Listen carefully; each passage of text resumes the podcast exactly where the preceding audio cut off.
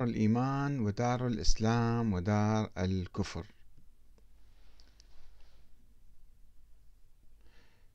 آه، وبالرغم من انقطاع سلسلة الإمامة وعدم وجود أئمة من أهل البيت ما عدا الولد الموهوم الإمام الغائب فقد جعل المفيد الإيمان بحق الإمام علي بالخلافة والولاية له ولبقية الأئمة السابقين قاسما اجتماعيا قاطعا. وقسم المسلمين بين شيعة إمامية وسنة حشوية أو نواصب. وقام بناء على ذلك بتقسيم العالم الإسلامي إلى دار إيمان ودار إسلام إلى جانب دار الكفر. وذلك تبعا لغلبة الإيمان ويعني به التشيع أو غلبة الإسلام أو غلبة الكفر. وقال كل سقع من بلاد الإسلام كثر أهله أو قل عددهم ظهرت فيه شرائع الإسلام والقول بإمامة آل محمد عليهم السلام فهو دار إسلام ودار إيمان. وقد تكون الدار عندي دار كفر ملة وإن كانت دار إسلام. ولا يصح أن تكون كذلك وهي دار إيمان. وهذا مذهب جماعة من نقلة الأخبار من شيعة آل محمد. واستورد المفيد أحاديث من التاريخ. عندما كان لنظرية الإمامة معنى من المعاني في أيام وجود الأئمة في القرون الثلاثة الأولى ليكرس التفرقة بين المسلمين وينفخ الروح في العقيدة الاثنى عشرية الميتة. فقال اتفقت الإمامية وكثير من الزيدية على أن المتقدمين على أمير المؤمنين عليه السلام ضلال فاسقون وإنهم بتأخيرهم أمير المؤمنين عن مقام رسول الله عصاة ظالمون وفي النار بظلمهم مخلدون. وروى بدون سند كعادته عن الحسين بن علي قال رسول الله صلى الله عليه وآله إلزموا مودتنا أهل البيت فإنه من لقي الله وهو يحبنا دخل الجنة بشفاعتنا. والذي نفسي بيده لا ينتفع عبد بعمله إلا بمعرفتنا. وروى عن الحسن بن زياد العطار قال دخلت على أبي عبد الله وعرضت عليه ديني وقلت أشهد أن عليا إمام بعد رسول الله فرض طاعته ومن شك فيه كان ضالا ومن جحده كان كافرا وأشهد أنك بمنزلة الحسن والحسين ومن تقدم من الأئمة. وقال المفيد اتفقت الإمامية على أن من أنكر إمامة أحد الأئمة وجحد ما أوجبه الله تعالى من فرض الطاعة فهو كافر ضال مستحق للخلود في النار. وخصص في كتاب المقنعة كتاب الفقه هذا آه، بابا فيما يجب من ولاية أولياء الله في الدين وعداوة أعدائه الفاسقين. وقال إن ولاية أولياء الله تعالى مفترضة وبها قوام الإيمان وعداوة أعدائه واجبة على كل حال. وصادق المفيد على ما سجله معاصره الشيخ محمد بن علي الصدوق في كتاب الاعتقادات حول وجوب التبري من أعداء الأئمة وأشياعهم وأتباعهم أي عامة المسلمين واعتبار ذلك عقيدة دينية أساسية ومهمة حيث قال اعتقادنا في البراءة أنها واجبة من الأوثان الأربعة ومن الأنداد الأربعة يغوث ويعوق ونسر وهبل واللات والعزة والعزى ومناة والشعرى وممن عبدهم. طبعا هذه رموز يستخدموها للخلفاء السابقين. وممن عبدهم ومن جميع أشياعهم وأتباعهم وإنهم شر خلق الله ولا يتم الإقرار بالله ورسوله وبالأئمة إلا بالبراءة من أعدائهم.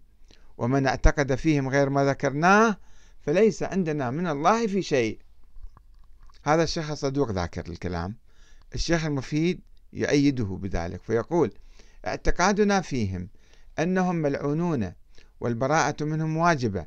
قال تعالى وما للظالمين من أنصار وقال تعالى ومن أظلم ممن افترى قال ابن عباس في تفسير هذه الآية إن سبيل الله في هذا الموضع علي بن أبي طالب والأئمة في كتاب الله تعالى إمامان إمام هدى وإمام ضلالة. ولما نزلت هذه الآية واتقوا فتنة لا تصيبن الذين ظلموا منكم خاصة قال النبي من ظلم عليا مقعدي هذا بعد وفاتي فكأنما جحد نبوتي ونبوة الأنبياء قبلي ومن تولى ظالما فهو ظالم. وقال النبي من جحد عليا إمامته بعدي فقد جحد نبوتي ومن جحد نبوتي فقد جحد الله ربوبيته. وقال لعلي أنت المظلوم بعدي من ظلمك فقد ظلمني. واعتقادنا في من جحد إمامة أمير المؤمنين والأئمة من بعده أنه بمنزلة من جحد نبوة جميع الأنبياء. وقال الصادق المنكر لآخرنا كالمنكر لأولنا ومن شك في كفر أعدائنا والظالمين لنا فهو كافر. وروى المفيد عن أبي سعيد الخدري قال قال رسول الله صلى الله عليه وآله معاشر الناس أحبوا عليا فإن لحمه لحمي ودمه دمي. لعن الله أقواما من أمتي ضيعوا فيه عهدي ونسوا فيه وصيتي. ما لهم عند الله من خلاق. وأورد المفيد في كتاب المقنعة أيضا زيارة للسيدة فاطمة الزهراء. تتضمن اللعن على ظالميها وهي كما يلي السلام عليك أيتها البتول الشهيدة. لعن الله من ظلمك ومنعك حقك ودفعك عن إرثك لعن الله من كذبك وأعنتك وغصصك بريقك وأدخل الذل بيتك ولعن الله أشياعهم وألحقهم بدرك الجحيم. صلى الله عليك وعلى أبيك وبعلك وولدك الأئمة الراشدين. وأورد زيارة أخرى لقبر أمير المؤمنين جاء في مقدمها. قال الصادق من ترك زيارة أمير المؤمنين لم ينظر الله إليه. ألا تزورون من تزوره الملائكة والنبيون؟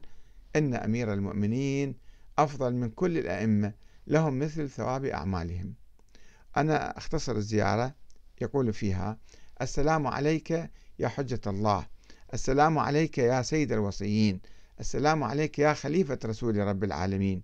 لعن الله من خالفك ولعن الله من قتلك ولعن الله من بلغه ذلك فرضي به. السلام عليك يا وصي الأوصياء. ووارث علم الأنبياء. أتيتك زائرا عارفا بحقك مواليا لأوليائك معاديا لأعدائك فاشفع لي عند ربك. كما أورد زيارات أخرى وهي الزيارات التي تقرأ عند قبور الأئمة. لقبور الأئمة تتضمن معاني الغلو في الأئمة والبراءة واللعن لأعدائهم كما في هذه الزيارة. السلام عليكم يا خزان علم الله وحفظة سره وتراجمة وحيه. أتيتكم يا يا بني رسول الله عارفا بحقكم مستبصرا بشأنكم معاديا لأعدائكم مواليا لأوليائكم. اللهم إني أتولى آخرهم كما توليت أولهم وأبرأ إلى الله من كل وليجة دونهم. آمنت بالله وكفرت بالجبت والطاغوت واللات والعزى وكل ند يدعى من دون الله. وروى المفيد عن محمد بن مسلم قال قلت لأحدهما الباكر أو الصادق إنا نرى الرجل من المخالفين عليكم له عبادة واجتهاد وخشوع فهل ينفعه ذلك شيئا؟ فقال يا محمد إنما مثلنا أهل البيت مثل أهل بيت كانوا في بني إسرائيل. وكان لا يجتهد أحد منهم أربعين ليلة إلا دعا فأجيب. وإن رجلا منهم اجتهد أربعين ليلة ثم دعا فلم يستجب له. فأتى عيسى بن مريم يشكو إليه ما هو فيه فأوحى الله إليه يا عيسى إن عبدي أتاني من غير الباب الذي أوتى منه. إنه دعاني وفي قلبه شك منك فلو دعاني حتى ينقطع عنقه وتنتثر أنامله ما استجبت له. فالتفت عيسى فقال تدعو ربك وفي قلبك شك من نبيه. كذلك نحن أهل البيت. لا يقبل الله عمل عبد وهو يشك فينا. ولم يتوقف المفيد بالطبع ليسأل الباقر أو الصادق إن صحت الرواية عنهما. من أين جاء بهذا الخبر عن النبي عيسى؟ وكيف جعل الإمام نفسه محور الدين مثل النبي؟ أو كيف جعل الإماميون الأئمة محور الدين مثل النبي ومن لا يعترف أو يجحد أو يكفر آه، أو لا يعرف الأئمة كأنه لم يعرف الإسلام ويخرج من دائرة الإيمان إلى تقريبا دائرة الكفر. آه، والسلام عليكم ورحمة الله وبركاته.